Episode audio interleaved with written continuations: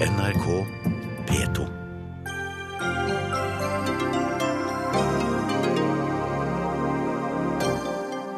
Natos indre solidaritet kan settes på prøve med den nye sikkerhetspolitiske situasjonen, mener tidligere forsvarssjef, før Nato-landene møtes til toppmøte. Og forsvarssjefen nå kommer for å svare på hvordan Norge svarer på usikkerheten i øst. Kansellerte fly og forbannede kunder. Norwegian klarer ikke å skaffe flygere til flyene sine. Det ligger an til mye bråk i flybransjen, sier kommentator.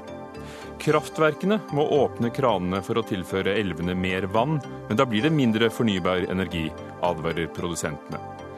Overgripere bør få reiseforbud, mener psykologspesialist, men advokat advarer og minner om at et land skal bygges med lov og ikke forbud.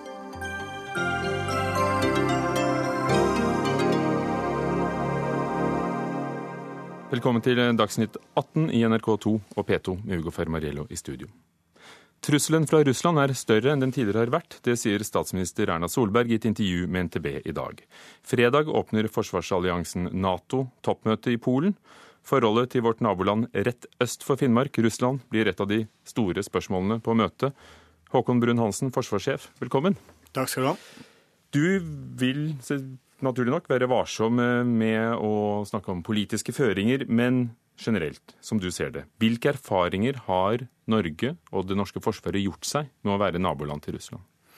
Ja, Vi har jo erfaringer både fra tiden med den annen verdenskrig, vi har erfaringer gjennom den kalde krigen, og vi har hatt 25 års erfaringer etter den kalde krigen, hvor vi har bygget opp en relasjon med de russiske væpnede styrker.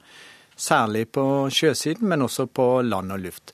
Erfaringene våre er generelt sett gode når det gjelder Russland. Vi har lært oss å operere i nærheten av en stormakt. Vi har lært oss å ta hensyn til deres interesser. Og vi har blitt gode på å vise hva som er norske interesser, og drive en balanse mellom avskrekking og beroligelse. Og nå, rett før Erna Solberg skal møte de andre 27 landene i Nato i Polen til toppmøte, så sier hun altså at eh, Trusselen fra Russland er større enn den har vært tidligere. Etterretningstjenesten har eh, snakket om økt usikkerhet. Hvordan vil du si at denne økte usikkerheten kommer til uttrykk? Ja, Jeg bruker også samme begrepet som Etterretningstjenesten gjør, og sier at usikkerheten i våre nærområder har økt. Og Det er det flere grunner til. og De viktigste er for det første så ser vi at den militære kapasiteten i Russland er bygget betraktelig opp i løpet av de siste ti årene. De trener og øver og tester sitt militære materiell tett inn på Norges grenser. Eh, og det er viktig at vi er i stand til å følge med og overvåke den virksomheten de driver.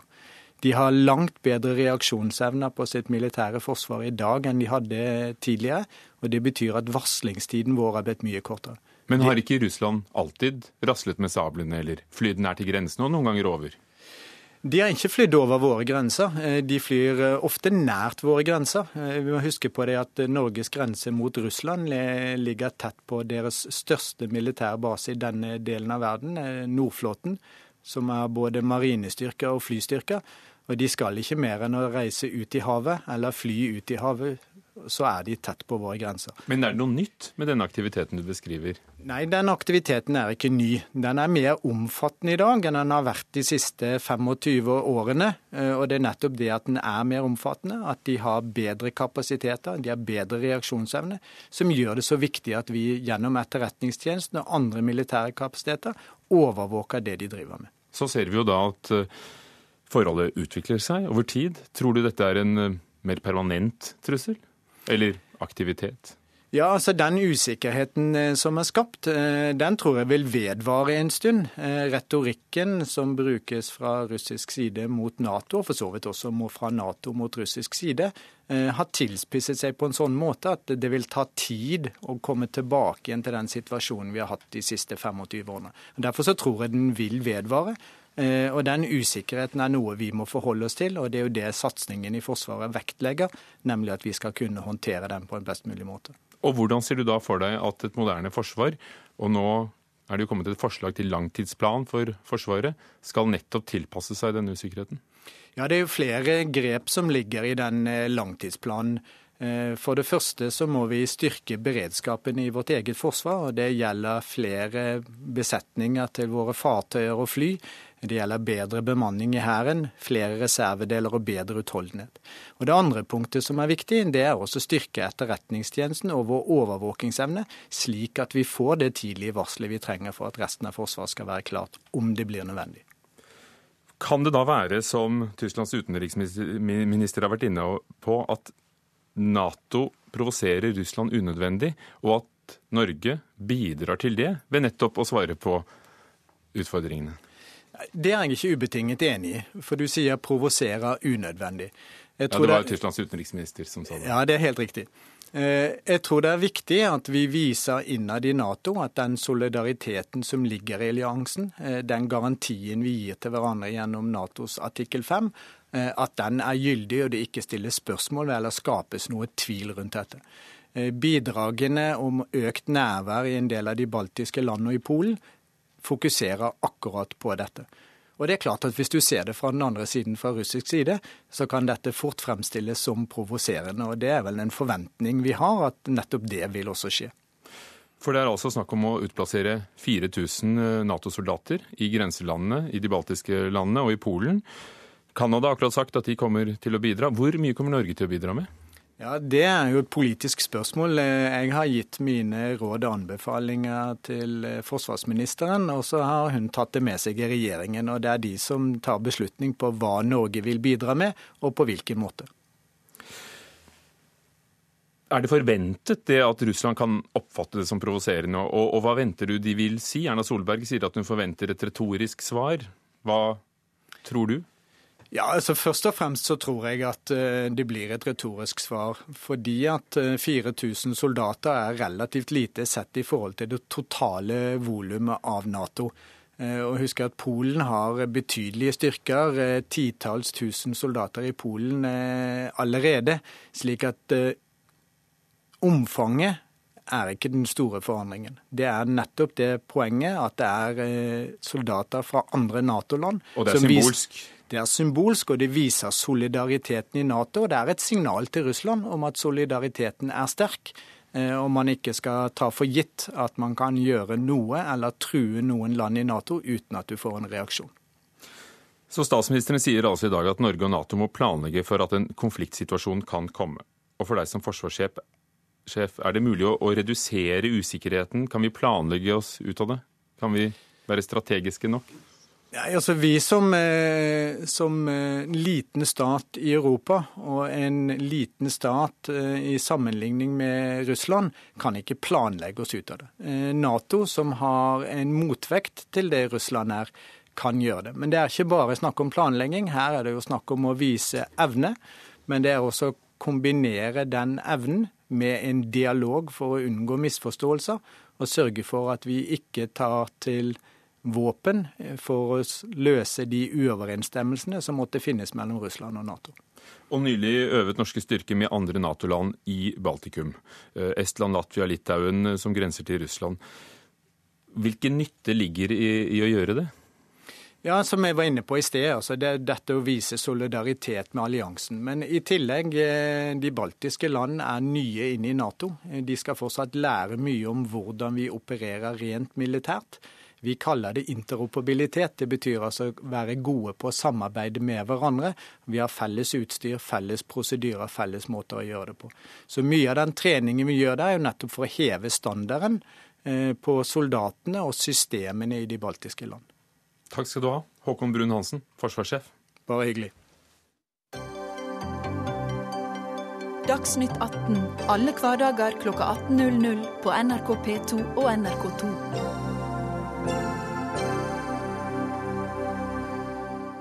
Og vi skal fortsatt snakke om det forestående Nato-toppmøtet i Polen, som altså starter fredag, og om forholdet til Russland. Nå med to kunnskaps kunnskapsrike eksperter som formodentlig snakker friere enn forsvarssjefen. Sverre Disen, forsker ved Forsvarets forskningsinstitutt, og ikke minst forsvarssjef frem til 2009. For å ta opp tråden fra Brun-Hansen, hvordan vil du si at eh, vi opplever den økte usikkerheten i øst? Eh, først og fremst ved at uh, russerne er mer synlige, mer til stede. De øver mer. Uh, de har åpenbart mer penger til disposisjon. Og de øver kanskje også på en noe annen måte. Og det er selvfølgelig en, en voldsom materiell forbedring på gang. Og nå er jo ikke noe av dette i seg selv et nødvendigvis signal om en annen intensjon enn før. Men det er som, som forsvarssjefen sa, det er åpenbart en evne til stede. Og så er jo spørsmålet om de under gitte omstendigheter kan tenkes å gjøre bruk av den evnen. Og det er dette som representerer en usikkerhet. Sverre Loddgaard, seniorforsker ved Norsk utenrikspolitisk institutt. Vi hørte altså Brun-Hansen nettopp. Og jeg har lyst til å spørre deg om det samme. Er Norge og Nato med på å skape denne usikkerheten, eller er det Russland alene? Ikke Norge, først og fremst. Vi har etter mitt skjønn hatt god grunn til å øke forsvarsinnsatsen i lang tid. For bedre å kunne kontrollere de svære områdene som vi har jurisdiksjon over. Eh, men det er ikke her eh, skoen først og fremst trykker. Eh, den trykker først og fremst i de baltiske landene og, og i Polen. Og det er de da som får, som får, unnsetning nå. Men det er klart, som tidligere er sagt, Russland har svingt opp med en del militære aktiviteter og øvelser som har virket provoserende. Og det har nok eh, frembrakt mye av den reaksjonen vi skal se resultater på eh, på toppmøtet. Men når det gjelder Altså styrker til de baltiske landene og grenseområdene? Ja, det blir vel reaksjonen, da. Eh, men når det gjelder den russiske styrkeoppbyggingen, som av og til, ikke her, men av og til betegnes som enorm, så er det proporsjoner på alt. Og Den russiske oppbyggingen begynte for ti år siden, eh, da økonomien var kommet i gang igjen. Og så fikk vi store prosentvise økninger år for år, helt til nå. I, I 2016 kommer budsjettet til å gå litt ned, som en følge av nye økonomiske omstendigheter. Men Russlands forsvarsbudsjett er noe sånt som 12% av det amerikanske, og 8% av Natos. Og under den kalde krigen så var Warszawapakten oppe i noe sånt som 80% kanskje mer, av eh, Natos investeringer. Eh, så det er eh, proporsjoner på dette. Og USA ligger altså langt over Russland. Milelangt. Kina ligger langt over Russland. Så kommer på tredjeplass Saudi-Arabia. Og så for de fjerde Russland. Er det, er det propaganda når vi hører at, at Russland ruster opp? Ja, Noe av det vi leser i dagspressen og får innover oss i media, er altså en forestilling som ikke har fullt rotfeste i, i virkeligheten. Men som sagt, aktivitetene eh, har tidvis vært eh, påtrengende og urovekkende. Ja, så tror jeg vi skal eh, legge merke til at eh, Nato har selvfølgelig USA som sitt største og viktigste medlem, men, men USAs nærvær i Europa det er jo relativt beskjedent etter hvert. Et relativt lite fotavtrykk. Eh, og dette er jo bl.a. fordi eh, amerikanerne er meget irritert over europeernes, eller det de oppfatter som europeernes svake innsats. Eh, og som de peker på, og som Lodgaard er inne på, hvis altså bare de tre største europeiske Nato-landene, Storbritannia, Frankrike og Tyskland, eh, hvis bare de nær sagt tok seg sammen, som amerikanerne ser det, så har de altså en befolkning på godt og vel 200 millioner til sammen, eh, mot Russlands 144. Og eh, disse tre landene har altså et samlet forsvarsbudsjett på rundt 170 eh, milliarder dollar. Eh, og det er det dobbelte av hva Russland har. Så hvis de europeiske Nato-allierte eh, nær sagt gjorde det de kunne, og etter amerikanernes syn burde, så kunne de jo redusere Russland til relativt margin, en relativt marginal militær aktør. Men det er jo også denne utviklingen hvor det går stadig nedover med de europeiske lands forsvarsevne, og stadig oppover med den russiske, som også er med på å bekymre. Hvem er det som har interesse av å styrke dette bildet av at eh, Russland ruster opp? Ja, Det kan jo være veldig mange. Det er klart at eh, For å få til, eller for å få fram eh, større forsvarsbudsjetter i Europa, så kan jo det å lage en spinn på den russiske trusselen være et virkemiddel. Det er jo gjerne på den måten man får til større forsvarsbudsjetter. Eh, men det kan jo også være, være, andre grunner. Og nå er jo tilliten da mellom Russland og de vestlige landene på et, eh, på et minstemål. Eh, hvis jeg får nevne et annet spørsmål som naturligvis også er betent, og som har ligget der lenge, men som rører på seg hele tiden, Kom igjen. så er det, så er det rakettforsvaret, altså Natos rakettforsvar, som hele tiden har hatt en haltende begrunnelse. Det begynte jo med at vi sa vi måtte forsvare oss mot iranske atomraketter, som Iran riktignok ikke hadde, og som den amerikanske presidenten sa at uh, de aldri skulle få. For før det eventuelt kom så langt, så ville han bombe. Eh, nå har vi jo da fått en avtale som båndlegger det iranske atomprogrammet, og derfor henviser man ikke spesifikt til eh, Iran, men sier at eh, dette har ikke adressat østover. Eh, hvis du er så dum å tro på hva en stormakt sier i et sånt spørsmål, eh, så får du skylde deg selv. For store makter, eh, store stater, har det alltid sin makt å gjøre noe annet enn det de har sagt, hvis omstendighetene i mellomtida har endret seg. Og rakettforsvaret, det amerikanske som driver dette, går 30 år tilbake i tid. Det er dette skjoldet som Det skal være en paraply over Vesten. skjoldet har fått eh, plass mellom 5 og 10 milliarder kroner dollar eh, fra USA i hele denne perioden, og ingenting tyder på at eh, det ikke vil fortsette. Og da spør man seg naturligvis i Moskva hva vil dette bli til etter hvert. Og der må jeg si at eh, jeg forstår russerne. Sverre Disen, er vi Er Nato bevisst provoserende mot russerne? Nei, det tror jeg ikke. Men, eh, men det er klart dette, her er det et betydelig tolkningsmonn. Eh, Hvordan skal man oppfatte det som sies og det som skjer?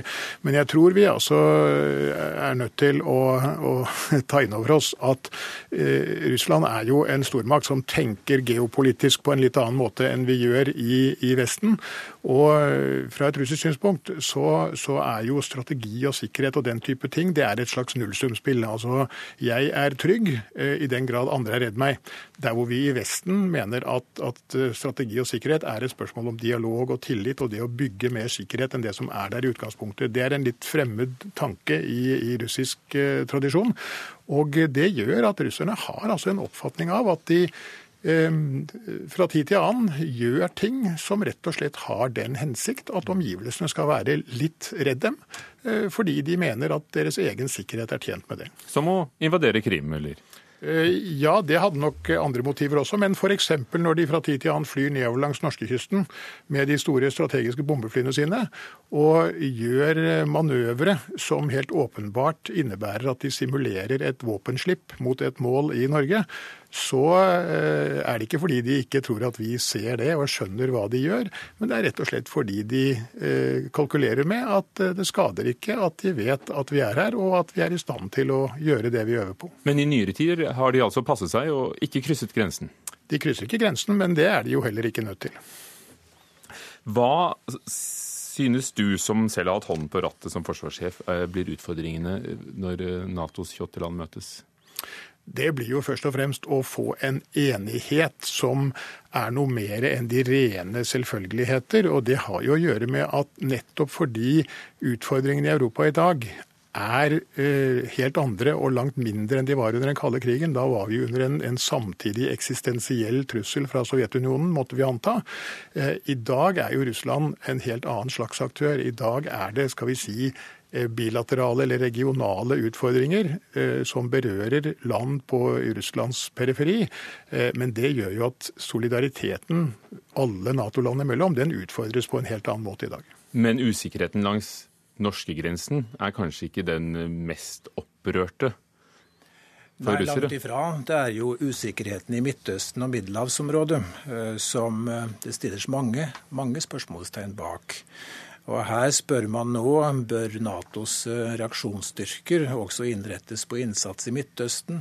Bør man i så fall etablere vertslandsavtaler med land i Midtøsten? Hva med Libya? Skal Nato ha en rolle der? Osv. osv.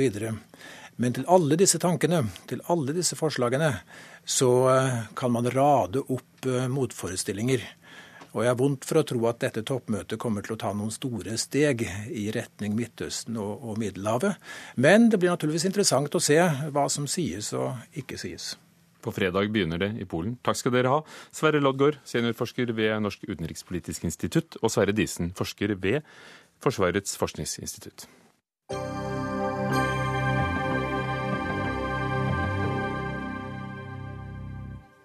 I helgen ble 18 flygninger fra Norwegian kansellert. Mellom 4000 og 5000 passasjerer ble berørt da flyselskapet ikke klarte å få unna trafikken sin.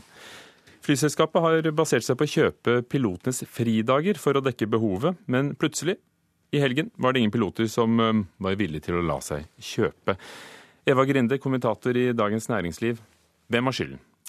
Ja, Spørsmålet ser jo ut til å være har vi her å gjøre med en eh, totalt udugelig ledelse som ikke greier å legge opp sommerrutene sine i det hele tatt og gå sånn på en smell som de gjorde denne helgen.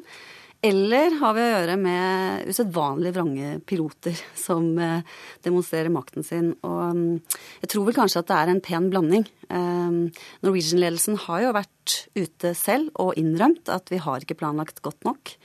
Eh, men det spørs om de planla så dårlig at de i løpet av et halvt døgn måtte sette Ja, det har versert ulike tall mellom 18 og 30 eh, flighter på bakken.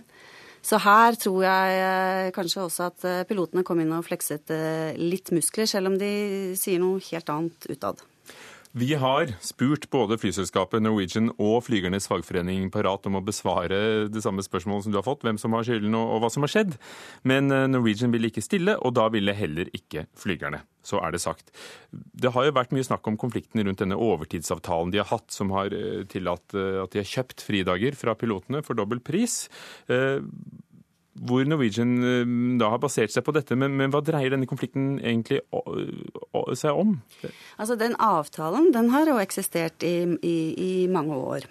Eh, og det som flyverne nå sier, er at eh, Norwegian-ledelsen har brutt den. Og detaljene i hva de er sinte for når det gjelder det bruddet, det har ikke kommet helt klart fram. Men det som noen kilder har sagt til meg, er at det handler om at Norwegian har brukt den litt for mye i forhold til rammen for avtalen. Altså de har kjøpt litt for mange vakter fra pilotene. Og så har jo pilotene vært ute og sagt at vi advarte jo allerede i vår om at dette kommer ikke til å gå, dere må ansette flere faste. Og det er jo her kjernekonflikten ligger, fordi pilotene vil at de skal være fast ansatt. Norwegian vil ha mest mulig fleksibilitet og shoppe piloter der hvor det passer dem, når de trenger det. Frode Steen, professor ved Norges handelshøyskole. Når du ser på de siste dagenes begivenheter og det vi hørte her, skiller Norwegian seg fra andre flyselskap?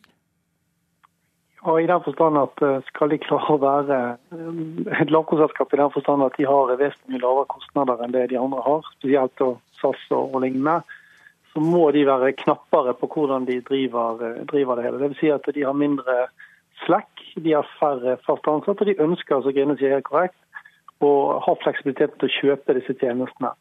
Men det er klart at det kan jo virke som at når man skal kjøpe 3500 dager, eh, og gange det med fire som den nye prisen på disse dagene, så blir jo det ganske dyrt. og Da tenker jeg at her trenger man nok antakeligvis flere ansatte. Men det er jo en, dette tenker jeg er produkt av det som skjedde med at de først tapte i tingretten, eh, Norwegian. Nå flekset de muskler, pilotene. og La oss si det sånn, De påstod ikke en eh, aksjon, men det var jo veldig tilforlatelig at det ble så mange eh, kanselleringer.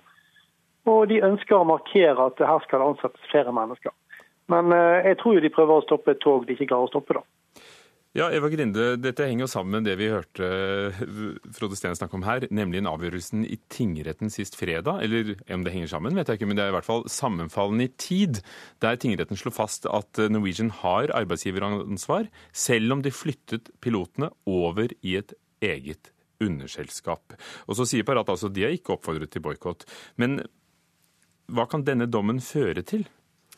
Nå er den jo ikke rettskraftig, men I tingretten. Ja. Eh, ja. det som ligner i hvert fall, er jo at det også handler om eh, Norwegians ansvar for de ansatte. Altså Der ønsket jo midt under streiken i vår, den opprivende streiken som var temmelig dramatisk, så opprettet jo eh, Kjos og co. et under, underselskap, et datterselskap, og, og plasserte pilotene der. Eh, og så ble det frykt blant pilotene for at de faktisk ikke hadde noe ordentlig reell arbeidsgiver, og at, at Norwegian kunne finne på å hanke inn eh, piloter fra andre firmaer fordi at deres piloter var i et, et underbruk. Så det var en ganske sånn finurlig juridisk manøver, så det ut til, fra, fra, ledelsen sin side. Og den er nå blitt prøvd i tingretten. Og der får pilotene medhold i at det faktisk er moderselskapet som har arbeidsgiveransvaret fortsatt. Men det som er litt interessant, er at det virker ikke som dommen går imot selve ideen om å skille disse to tingene fra hverandre. Fordi at det de mener var problemet, var at Norwegian ikke hadde fullført operasjonen ennå. Sånn at det, for alle praktiske formål så var moderselskapet fortsatt arbeidsgiver, og derfor så, så, hadde pilotene rett.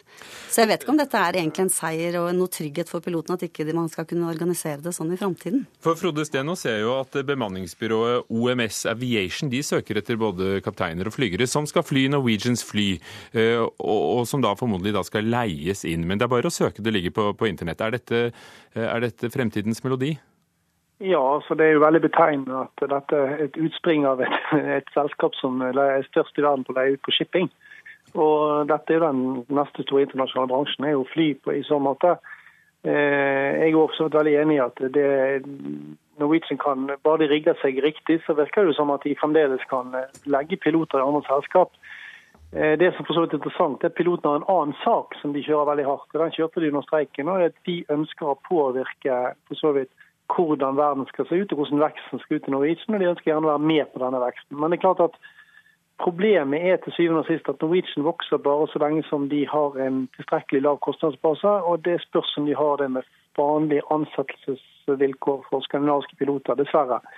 Og Da får vi dette innleiesaken som kommer. Da Jeg tror den kommer uansett hva vi gjør. Så det blir mer spørsmål om å passe på at sånne selskap eh, har ansatte på gode vilkår, at det er skikkelig oppsigelsesvilkår, at det er skatter og avgifter og rettigheter til respektive baseland osv.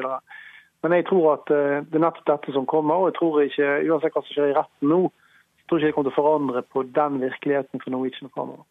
Eva Grinde? Ja, jeg tror også det at, at, vi kommer til å se flere variasjoner av denne konflikten her eh, fremover. Fordi eh, det er veldig lite som tyder på at, eh, at Norwegian vil gå tilbake til den gode, gamle faste ansatte piloter med spesielle rettigheter. Det er en tapt kamp for dem antagelig. Vi, men det kommer ikke til å skje uten, uten, bråk. Men spesielle rettigheter, det er vel helt vanlige rettigheter som arbeidstaker til fridager og, og, og ferie og pensjon? Jo da, eh, det, og jeg er helt enig. Så spesielt er det vel heller ikke? Nei, det, altså, nå, nå, snakker jeg om lønnsnivået på de norske pilotene f.eks. For i forhold til andre piloter som Norwegian kan leie andre steder. Det, altså, det presset kommer til å bli så formidabelt at å opprettholde det eh, spesielle nivået som vi har her, kommer til å bli veldig vanskelig i, i årene som kommer. Og derfor skriver du i Dagens Næringsliv at vi kan vente oss mye bråk i flybransjen? Ja, jeg tror det. Frode Steen? Jeg tror nok akkurat det tror jeg er rett, men det er viktig å si at det ikke bare selve lønnsnivået. Altså Pilotlønn er relativt internasjonalt definert. Men det som er at den fleksibiliteten som både Norwegian og for så vidt SAS og andre selskap trenger med å ha flere piloter i jobb på sommertid, den, den, da er det mye enklere hvis du kan flekse litt og du kan leie inn og du kan gjøre andre løsninger. Og, og, og Litt av problemet har vært at å ha folk i fast arbeid som skal være villige til å jobbe veldig mye mer om sommeren enn resten av året, det er ikke så enkelt å få til. Og da, får vi alle sammen mellomløsninger, kjøpe fridag og ene eller andre. Men, men, jeg tror jo at Norwegian må få opp en løsning for neste sommer som viser at jo, de har nok piloter i jobb, og de må antakeligvis ansette noen flere. Men jeg tror at den meste av veksten det kommer til å foregå via innleie. Jeg tror ikke det, det, det, det ikke, de har, Vi har ikke et valg engang. Sånn blir det. Eller være litt mindre ambisiøse? Ja, jeg tror ikke det er en option for dem. Eh, men eh, det virker ikke sånn i hvert fall. Men jeg tror også at Norwegian kommer til å gå langt for ikke å ansette flere fast ansatte. Takk skal dere ha. Eva Grinde, kommentator i Dagens Næringsliv, og Frode Steen, professor ved Norges handelshøyskole.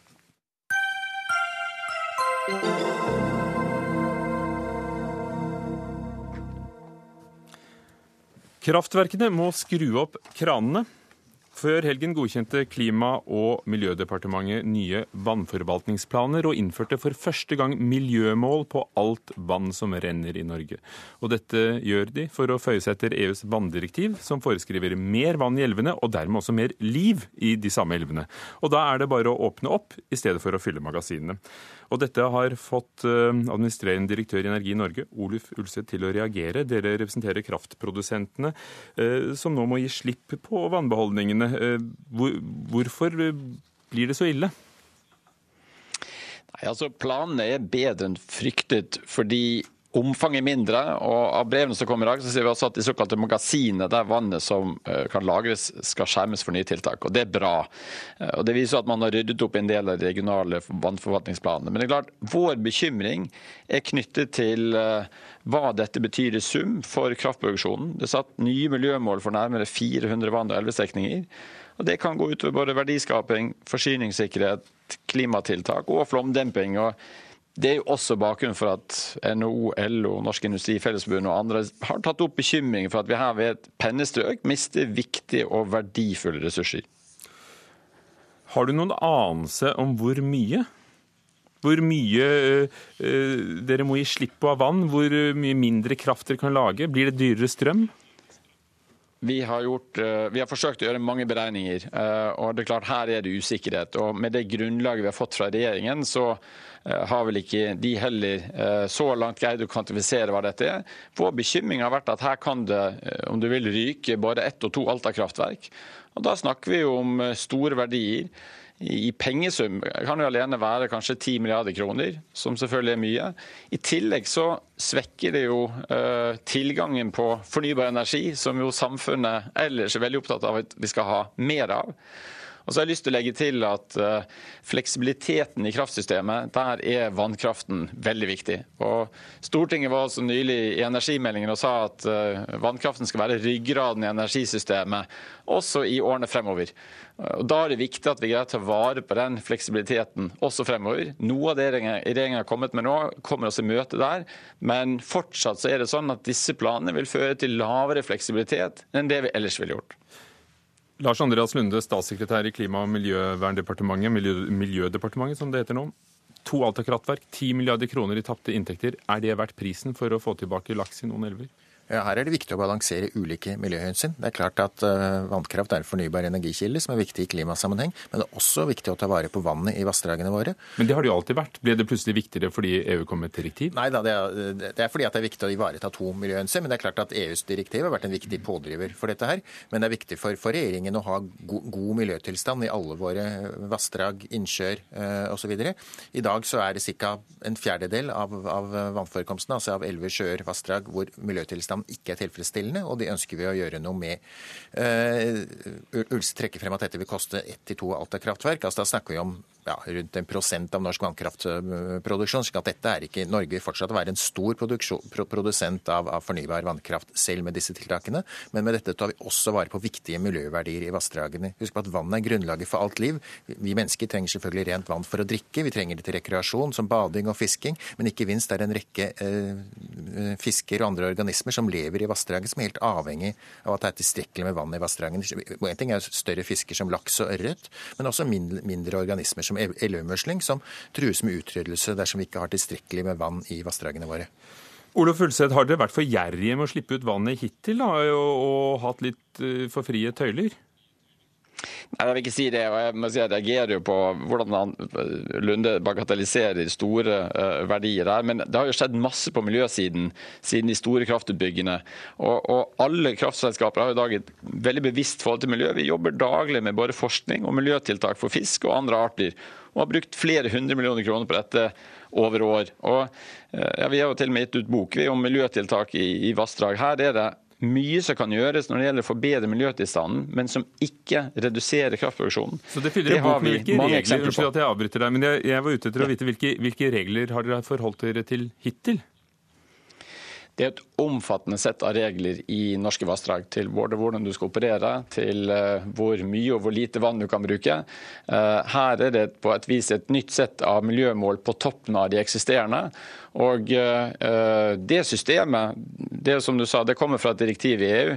Det er avveining mellom de ulike interessene vi er opptatt av.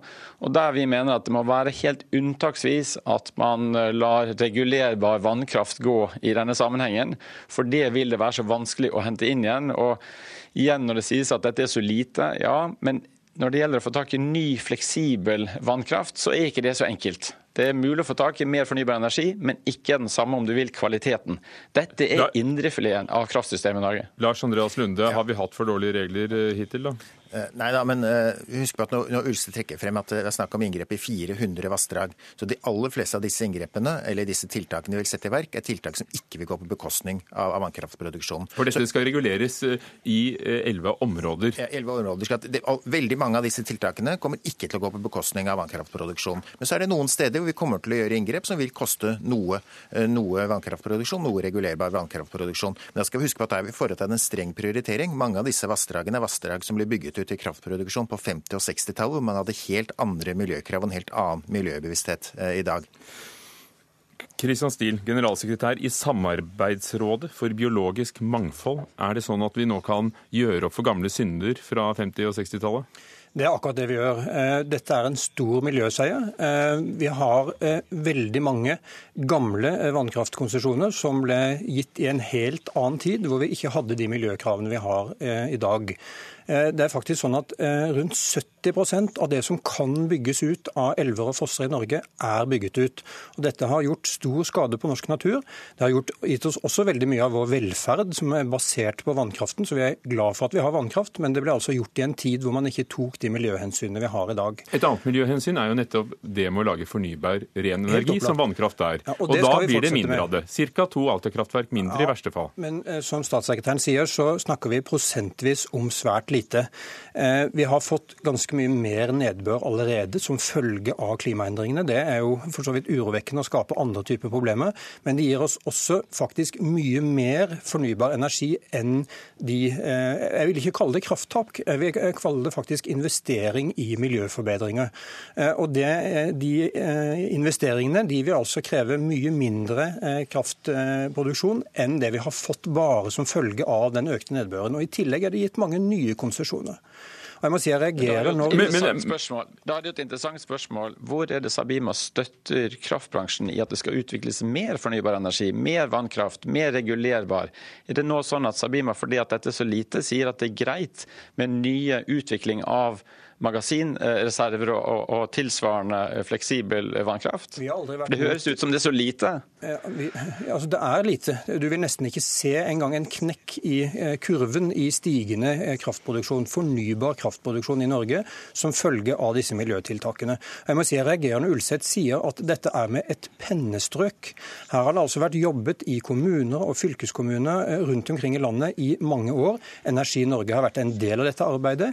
Energimyndighetene har vært en del av dette arbeidet, og det har vært gjort mange avveininger mellom de ulike miljøhensynene og økonomiske hensyn. Så det som gjøres nå, er helt nødvendige eh, reparasjoner av skade på natur som skjedde i en helt annen tid. Lars Andreas Lunde, nå sitter jo du her eh, for Klimadepartementet, men eh, har dere gått lenger enn eh, vanndirektivet påbyr Norge? Eller har også da Energidepartementet kommet inn og, og hatt noe å si her? Ja da, Vi har hatt et godt samarbeid med Olje- og energidepartementet. Vi har på ingen måte gått lenger enn det vi er forpliktet til etter vanndirektivet. Vi har foretatt det er minimumskrav, altså? Nei, nei, vi har foretatt en streng prioritering av de vassdragene hvor vi, hvor vi får mest mulig miljø for pengene. Dette er en kost-nytte. Vi har prioritert der vi får mest miljønytte i forhold til det det koster eller den investeringen vi gjør, da, i form av redusert kraftproduksjon. Og Når, når, når Ulstedt snakker om 1-2 eh, Alta-kraftverk, så altså bare i 2015 så er det gitt konsesjoner til 1,5 TWh, og det er altså mer enn, så vidt jeg vet, mer enn to Alta-kraftverk. slik at bare den Men det kunne man jo sluppet å gi, da? Ja, nå, Dette er jo mer miljøvennlig kraft. Det er jo, altså, vi, vi, vi, vi reparerer den, den, skaden som ble gjort på 50- og 60-tallet, ved å øke vannpåslippet noe i de, de vassdragene og vi får mest mulig miljø igjen for pengene. Og, og Ulseth, eh, som vi har snakket om her, man bygde ut på en annen måte før. Det er, det er der det vil få størst konsekvens. Eh, nyere vannkraftutbygginger vil ikke berøre så sterkt. Jo, men her er det viktig å huske på at det har skjedd noe også i de vassdragene som ble bygget ut for lenge siden når det gjelder hvordan vi jobber med miljø. Og Kompetansen på dette området er på et helt annet nivå. Vi bruker store ressurser både på forskning og aktivitet. Nå er det jo nytt, et såkalt nytt forskningssenter på dette. Dere har vel også vært med sånn at... på å, å, påvirke dette, og sikkert hatt lobbyister både i Brussel og i Oslo. Eh, kom dere ikke så langt som dere ville, da?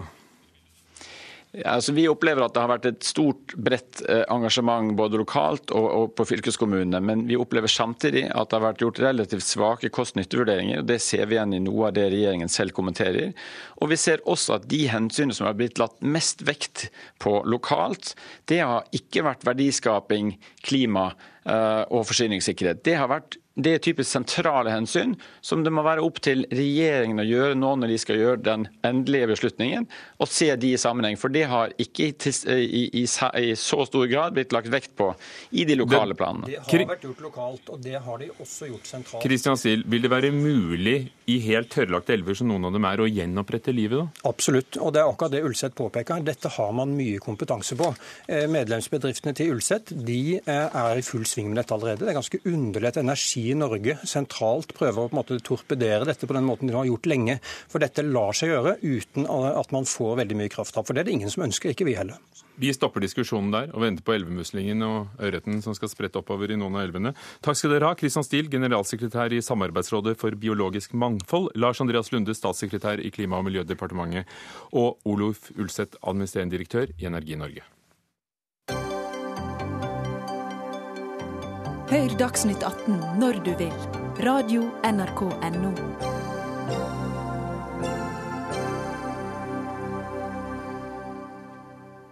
Senest i dag ble en eh, Oslo-mann tiltalt for gjentatte seksuelle overgrep mot en 13 år gamle, gammel jente. Dette skjedde i Thailand. Ikke alle overgripere kan behandles, og da må inngripende kontrolltiltak som reiseforbud og dataforbud iverksettes etter løslatelsen. Dette skriver eh, du i en kronikk på NRK Ytring. Pål Grøndal, psykologspesialist, velkommen. Hvorfor er det nødvendig med slike kontrolltiltak i tillegg til en dom, en straff? Mm. Altså, jeg er jo enig i de som sier at når en dom er over, og du har sonet, så skal du være ferdig med det. Samtidig så ser jeg at det er noen få som slipper under liksom denne forvaringsradaren, som, som, gjør en del nye overgrep. Og så har jeg tenkt at vi må få tak i disse også. Fordi det er et lite mindretall av overgripere som gjentar sine overgrep.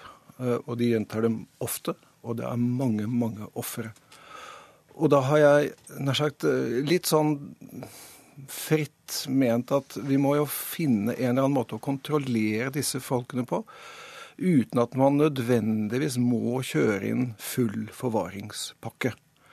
Så det er et fritt forslag, og jeg vet at jeg er på juridisk tynn grunn, men dette mener jeg. For det finnes jo nettopp forvaringsinstituttet? Ja, det finnes, men forvaring skal jo liksom forbeholdes de aller, aller tyngste, da. Og du kan liksom ikke idømme en person eh, full forvaring fordi vedkommende har gjort kanskje to mindre seksuallovbrudd. Kanskje det tredje gang. Kanskje ikke er så veldig alvorlig. Uh, og der, der, kunne jeg tenke meg å, å, å, pusse opp det gamle sikringsinstituttet litt. Kan vi snakke om. Gunhild Lærum, advokat og forsvarer for flere overgrepsdømte. Reiseforbud, dataforbud, pålegg om å oppholde seg på visse geografiske områder. Hvordan tenker du deg at det kunne iverksettes? Ja, Det er jo iverksatt mange ganger. Så jeg er jo eh, Han er på litt eh, tynn is ved siden av meg her, fordi at dette systemet har vi ivaretatt i, sånn som loven er i dag. Eh, I Forvaringsinstituttet Jeg er helt uenig i at man skal pusse opp et sikringsinstitutt. For det var altså noe som het sikring inntil 2002, og så ble det forvaring? Det er vi heldigvis ferdig med. Det var, Da skulle man være sinnslidende og alvorlig syk, sinnslidende, psykisk syk osv. Og, så og det var ikke en straff. Nå, altså Altså forvaring er en straff. Og det er, eh, som han sier, riktig for de som gjentar straffbare handlinger av grov, et grovt kaliber. Altså typisk sedelighetsdømte, da. Eh, og det, det, har vi. Vi har et forvaringsinstitutt som ivaretar disse. Men vi har også særreaksjoner, f.eks. ved betingede dommer. Man kan gi deldommer, noe ubetinget og noe betinget, hvis man begår to overgrep. To mindre overgrep, som Grøndal sier. Så kan man i dag med den loven vi har, si at den betingede delen betinges av at man f.eks. oppholder seg på et visst sted. Det kan man gjøre i dag. Er det gjort? Har du eksempler på at dette er brukt? Jeg har eksempler på at dette er brukt, men det kan brukes mye, mye, mye mer. Men det er eksempler på at folk har opphold på visse steder, og det er en stor oppgave lagt på kriminalomsorgen. Det er mye arbeid med det. Men der det fungerer, er det et veldig bra system iverksatt allerede. Pål Grøndal, kan det være det at eh, at domstolen ikke er flinke nok til å bruke de redskapene de har? Ja, det kan godt være, faktisk. Og det har jeg også lurt på. For det er jo riktig som Lærum sier, at jeg er jo ikke jurist, og jeg er på tynn juridisk grunn. Samtidig så ser vi at det er noen som smyger seg under denne radaren hele tiden. Og så er jeg nokså uenig i at, at eh, det gamle sikringsinstituttet var så aldeles grusomt. Det var tuftet på en del merkelige begreper, og man kunne gå rett fra fengsel videre til fengsel. Og så var det liksom, eh, var det liksom en særreaksjon, da. Men hva var fordelen? Altså, vi be ja, behøvde ikke bruke ordene varig svekkede sjelsevne lenger, Nei, men, men jo... du mener det har noen fordeler? Ja, bl.a. den graderte måten man kunne iverksette en, en eh, sikringsreaksjon på. F.eks. at du skulle droppe alkohol. Du skulle være på visse steder. Man skulle eh, melde seg på visse tider visse steder. Sånn at man hadde kontrollen over deg selv etter ferdig sonet dom. Så kunne man altså iverksette liksom, Det var liksom ikke rett inn i fengsel eller rett inn i psykiatrisk sykehus, men man kunne rett og slett sette inn et gradert sikringstiltak overfor enkelte. Og Mener du at det virket? Jeg vet at mange av de som ble kjørt hardt på det, og var av de tyngste, de gikk jo fra fengsel til fengsel. Altså De satt liksom i samme celle, og så het nå er det sikring, så nå sitter du her fortsatt. Det var helt urimelig. Det var en sånn dobbeltspor. Ja, det er vi enige om. Men det er altså Jeg tenker at forvaring blir på en måte så dramatisk særreaksjon. Og det er liksom full pakke. Det er liksom inn på, på forvaringsanstaltene. Og så er det så er det muligheter der for prøveløslatelse etter en stund.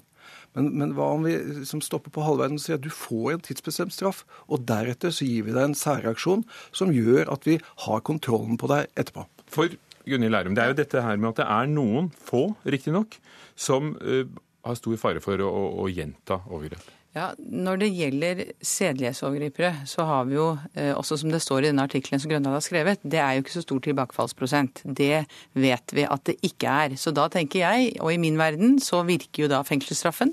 Da virker det individualpreventive. Da man ikke kommer tilbake og gjør noe nytt, så har det jo virket. Og da virker jo det individualpreventive, altså da virker straffen. Og når man har straffet ferdig, og heldigvis så lever vi i et sånt samfunn, da skal man være ferdig med straffen. Og de få Altså vi lever i et risikosamfunn, det gjør vi. Det er risiko på mange områder. Og de få han snakker om det gjelder, for det må være veldig få. For de som gjentar dette, de vil få forvaring. Men, men la oss høre, hvem er disse få? Går det an å, øh, å, sile ut hvem det er som da trenger for, mer forvaring eller behandling, eller? Ja da, det finnes det. Det finnes helt klare risikomomenter. Øh, det er f.eks. hvis du begynner med overgrep i ung alder. Hvis du har en kriminell profil, og hvis du har mange ofre, og det går særlig på mannlige ofre, da er du Du nærmer deg da full pakke for å være i høyrisikosonen. Og så er det noen av disse som i tillegg er innmari dyssosiale. Fordi er det noe som gjennomgår mange av det, som er veldig gjennomgående for en del av disse her, det er at de benekter, bagatelliserer og idylliserer. Det er nesten så at du har blodspor, du har DNA-spor og du har vitner, men likevel forbaska så klarer de å benekte hele greia, selv om ingen tror på dem. Og da gjøres det kanskje ikke nok for å beskytte potensielle nye ofre. Hvis vi vet at denne gruppen her kunne vi ta tak i? Vi er helt klart enige om at barn skal beskyttes så langt som det er mulig. Men vi vet også at hvis man begynner å eh, sette disse sedelighetsforbryterne i bestemte båser, hvis man begynner å lokalisere de for mye osv., så, videre, så er det et motargument, og det kjenner Grøndal godt til. De skal jo integreres for å fungere i et samfunn for ikke å forgripe seg på nytt. Det er et av argumentene når man snakker om forvaring, ikke forvaring. Har de et nettverk? Er de integrert i et samfunn? Har de et sted å bo? Har de kontakt med familie osv. Det er noen av de, de de argumenterer med for at de ikke skal forgripe seg på nytt. Så dette blir en sånn argumentasjon som møter hverandre. Eh, det er helt klart at barn skal beskyttes. Alle mener det. Også forsvarsadvokater mener selvfølgelig det. Men det som er viktig, er at eh, dette er veldig få personer.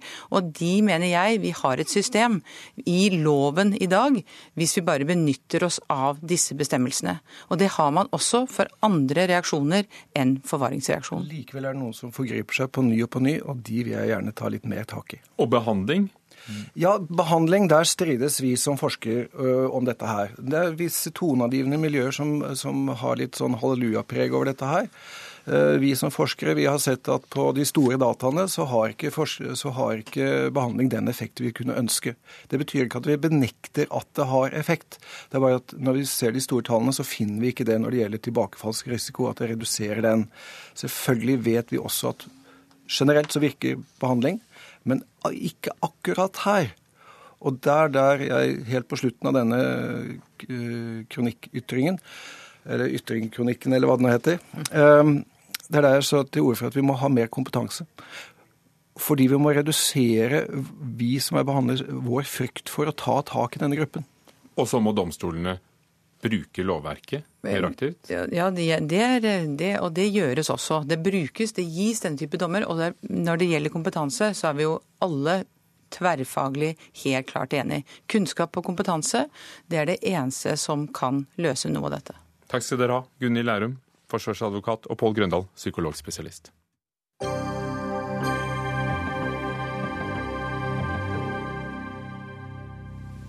SV vurderer å arbeide for obligatorisk skolegang for alle under 18 år. Altså alle må inn på videregående skole. Forslaget kommer fra programkomiteen, som i forrige uke la frem førsteutkastet til et nytt arbeidsprogram, som etter hvert skal vedtas i mars neste år, faktisk. Andrea Sjøvold, leder av Sosialistisk Ungdom. Dere er eh, for å fremme dette forslaget, som vi får se om blir noe av. Men, men hvorfor vil det å tvinge alle til å gå på videregående skole være et gode? Det SVU og SV ønsker, er jo en, en, skole der alle har muligheten til å lykkes. Og Derfor kommer jo vi til å, og det er det vi gjør nå, til å snu alle steiner for å, for å finne de løsningene som vil gi den skolen. Og Det er derfor vi fremmer dette forslaget, for å få en debatt og en diskusjon om dette her er, er veien å gå for at man får, eh, for flere får muligheten til å lykkes og få en utdannelse. Det er altså bare 2-3% som ikke fortsetter fra mm. ungdomsskolen til videregående skolen, skole. Skal ikke disse unge menneskene også selv ha frihet til å velge hvordan de skal uh, bli best i det de har lyst til? Det vi ser er jo at det her er, eh, og, og, og fleste av disse her er ungdom med innvandrerbakgrunn, som utgjør en stor del av denne gruppa, som ikke begynner på videregående opplæring. Og De her er vi nødt til å ta tak i. Hva er grunnene til at de ikke starter? Og så er det jo som oftest eh, ressurssterke foreldre som har barn som tenker på videregående som noe obligatorisk allerede. Men, men selv om det ofte er uh, ungdommer fra innvandrerfamilier, skal ikke de også ha friheten til å velge? Det er er jo det som er spørsmålet, da. Eh, og det er jo mange av de som tenker at de, de kan klare seg uten en videregående opplæring. Og da må jo vi stille oss spørsmålet er det er det noe vi lurer ungdom med, da? At de kan eh, få muligheten til å lykkes uten å ha videregående. Vi ser at de arbeidsplassene vi vil ha i fremtida, vil kreve at man har enten fagbrev eller studiekompetanse. Og vil vi da lure ungdom ved å si at man trenger ikke videregående? Det er jo det som er spørsmålet. Sylvia Lind, leder i Elevorganisasjonen. Dere er uenig i dette forslaget fremmet fra SV, men vil ikke nettopp obligatorisk videregående skole gjøre at eh, flere fullfører, og flere får den sjansen de trenger? Hvis man hadde starta rådgivninga eh, mye mye tidligere, og at den hadde blitt bedre i f.eks. ungdomsskoler, så kunne man ha sørga for at de 2-3 det gjelder, faktisk visste hva de gikk til. Eh, I tillegg så må man styrke den tilpassa opplæringa. Jeg syns ikke at man skal bruke måte, tvang eller plikt til videregående eh, for å få bukt med et problem som egentlig kommer av at elever ikke trives, og at elever ikke får den tilpassa opplæringa de har krav på. Men, men, nå er det jo, En ting er de som ikke går videre fra ungdomsskolen, men det er altså bare 73% av elevene som fullfører videregående etter fem år. Bare 59 fullfører på den normerte tiden på de uh, tre årene. Ville ikke dette vært det redskapet som skolen hadde trengt da, for å få folk som ellers faller fra, ikke kanskje nødvendigvis ha noe bevisst valg? Nei, altså, Få dem tilbake. Vi, vi i Elevorganisasjonen er veldig for en fleksibel skolegang som har tilpassa opplæring til hver enkelt elev. Vi mener at for å få ned denne drop-out-prosenten, så hjelper det ikke å innføre en plikt til videregående skole. Da må man heller se på de faktorene som gjør at elevene faktisk velger å droppe ut av skolen. Man må gjøre skolen mer relevant. Man må prøve å gi elevene insentiver eh, istedenfor å tvinge dem opp. Eh, skolehelsetjenesten må forbedres. og eh, rådgivningstjenesten. Det er på en måte masse klare grep man kan ta før man skal tvinge elevene gjennom. Eh, da vil man få masse demotiverte elever som egentlig ønsker å gjøre andre ting, istedenfor å bruke de ressursene på eh, elever som faktisk trenger det. da. Andrea Sjøvold, for det er vel litt også frafall, frafallsprosenten dere tenker på? De som, de som begynner, men så mm. Så slutter de? Ja, det tenker Jeg at, jeg tror jo ikke at obligatorisk videregående opplæring alene vil føre til at frafallsprosenten kommer til å gå ned. Og Der er jeg jo helt enig med Elevorganisasjonen. Vi må styrke rådgivningstjenesten, vi må ha bedre tilpassa opplæring. Vi må i hvert jo, men, fall men tror du det vil hjelpe på, på, frafallsprosenten? Fordi etter ti år så er det fortsatt 10% som ikke har fullført videregående skole. Mm. Og, og, siden du sier at dette er så viktig for å klare seg i dag? Mm, og jeg tror at ved, ved en obligatorisk videregående opplæring så vil man gi et annet ansvar til videregående skole som det ikke har i dag. Man vil få eh, bli mer forplikta til å følge opp hver enkelt elev, sånn som man har i f.eks. ungdomsskolen i dag. Hvis elever ikke møter opp på skolen, så settes hele systemet i, i gang, og man, man, kommer til grunn i hva er det som er grunnen til at, at, elever ikke møter opp, og så setter man i gang tiltak. Og jeg tror at det her er det som trengs eh, for at eh, elever skal fullføre videregående også. Eddie Eidsvåg, eh, du startet Pøbelprosjektet i Stavanger. Du kaller deg pøbelideolog, og er ganske enig med SV om å innføre obligatorisk videregående skole. For du, du jobber jo nettopp med å få flere ut i jobb på lærlingplasser i skolen. Hvorfor tvang? Fordi allerede er det jo en rettighet å få videregående opplæring. Ja, Det er ikke det. Altså, det er så altså, bra at SV sier dette, for det er i dag allerede obligatorisk. Det er oppleves slik, selv om vi per definisjon ikke har det, så oppleves det slik. Det forventes at alle skal begynne på videregående. Man blir bekymra for de 2-3 prosentene som ikke begynner. Det største problemet i dag er at det er 20-30 for mange som begynner. Det er det som er det største problemet. Det er ikke drop-outs, det er for mange drop-in. Så man, det jeg mener, jeg er helt for av en obligatorisk, men jeg mener det bør være fire år obligatorisk. Og at det, vi har to løp. Et arbeidsløp hvor ungdom kan jobbe ute, og studere inne. Hvor det er de to løpene å sikre ungdommen, for da vil vi ikke ha dropouts. Og hvis det da er noen som dropper ut, så er det akkurat som Sjøvold sier, da blir de fanga opp av et system, og vi kan ta, hjelpe de som har rusproblematikk, kriminelle problematikk, psykiske problemer. Dette vil vi kunne fange opp. Men er ikke så, det foreldrenes ansvar? Disse er jo under 18 år gamle. Jo, alt er foreldrenes ansvar, men det er litt sånn bullshit. Altså, la oss kalle en spade en spade. fordi at det er nå engang slik at foreldrene rår ikke overalt. Altså, de, de tar ikke det taket og det ansvaret de skal ha. Og vi har et felles ansvar. Alle barn er vårt felles ansvar. Under 18 år så er det et felles ansvar. Mine barn er også dine, ditt ansvar, selv om jeg er tatt for å forvalte det ansvaret. Så dette er noe med å kalle en spade en spade. Jeg pleier å kalle en spade en gravemaskin, men vi må liksom, vi må, vi, vi må ta tak i det, kalle en spade, så må vi gjøre noe med innholdet. Men, men det er det er for jeg. Tror, jeg tror det som skal til for å slippe drop-outs, og få det å få obligatorisk, og så må vi gjøre noe med studiefinansiering. Men Eddie Eidsvåg, du, du, har jo da forslag til en hel skolereform, og nå dreier det seg om ett forslag om å gjøre videregående, den foreløpig treårige videregående obligatorisk. Men allerede i dag er det jo ikke nok lærlingplasser. Hvordan, hvordan skal vi klare det hvis enda flere skal gjennom ordningen? Eh, det er nok arbeidsledige, nok lærlingplasser i dag. Mer enn nok lærlingplasser. Det er bare skolesystemet som ikke klarer å fange dem opp. Vi har over 7000 ledige arbeidsplasser. Vi, kom igjen. Sylvia Lind, dere pleier jo i Elevorganisasjonen å lytte til, eh, til forslagene fra SV, f.eks. når det gjaldt uh, udokument... Nei, nei Sylvia Lind, sier Andrea Sjøvold. Dere lytter jo til Sylvia Lind fordi, når det gjelder udokumentert fravær, f.eks. Hvorfor ikke nå? Vi er jo stort sett enige, og jeg tror jo vi er enige nå at, at obligatorisk videregående er ikke alene det som kommer til å løse problemet. Nei, men dere er jo faktisk uenige om det er lurt å ha obligatorisk videregående eller ikke? Ja, det kan jo være at vi er uenige akkurat der, men eh, det er derfor vi skal ha den diskusjonen. da, At jeg er nødt til å høre på, på Sylvia sine, sine, innspill til det her, og så må jeg gå inn i, i komitéarbeidet og se om jeg, om det her var et, best, et, godt forslag eller ikke. Og jeg mener det har veldig mange gode eh, sider med, med seg.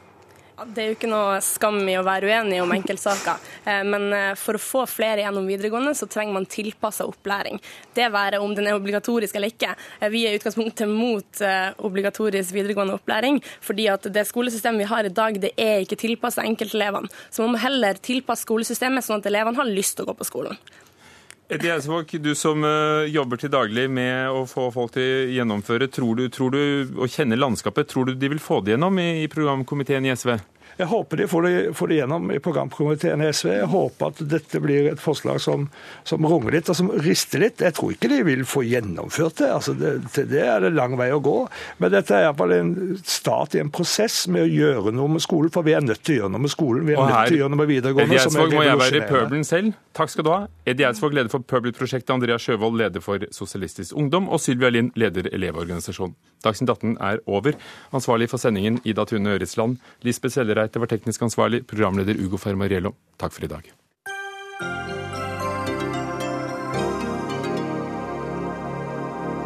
Hør flere podkaster på nrk.no podkast.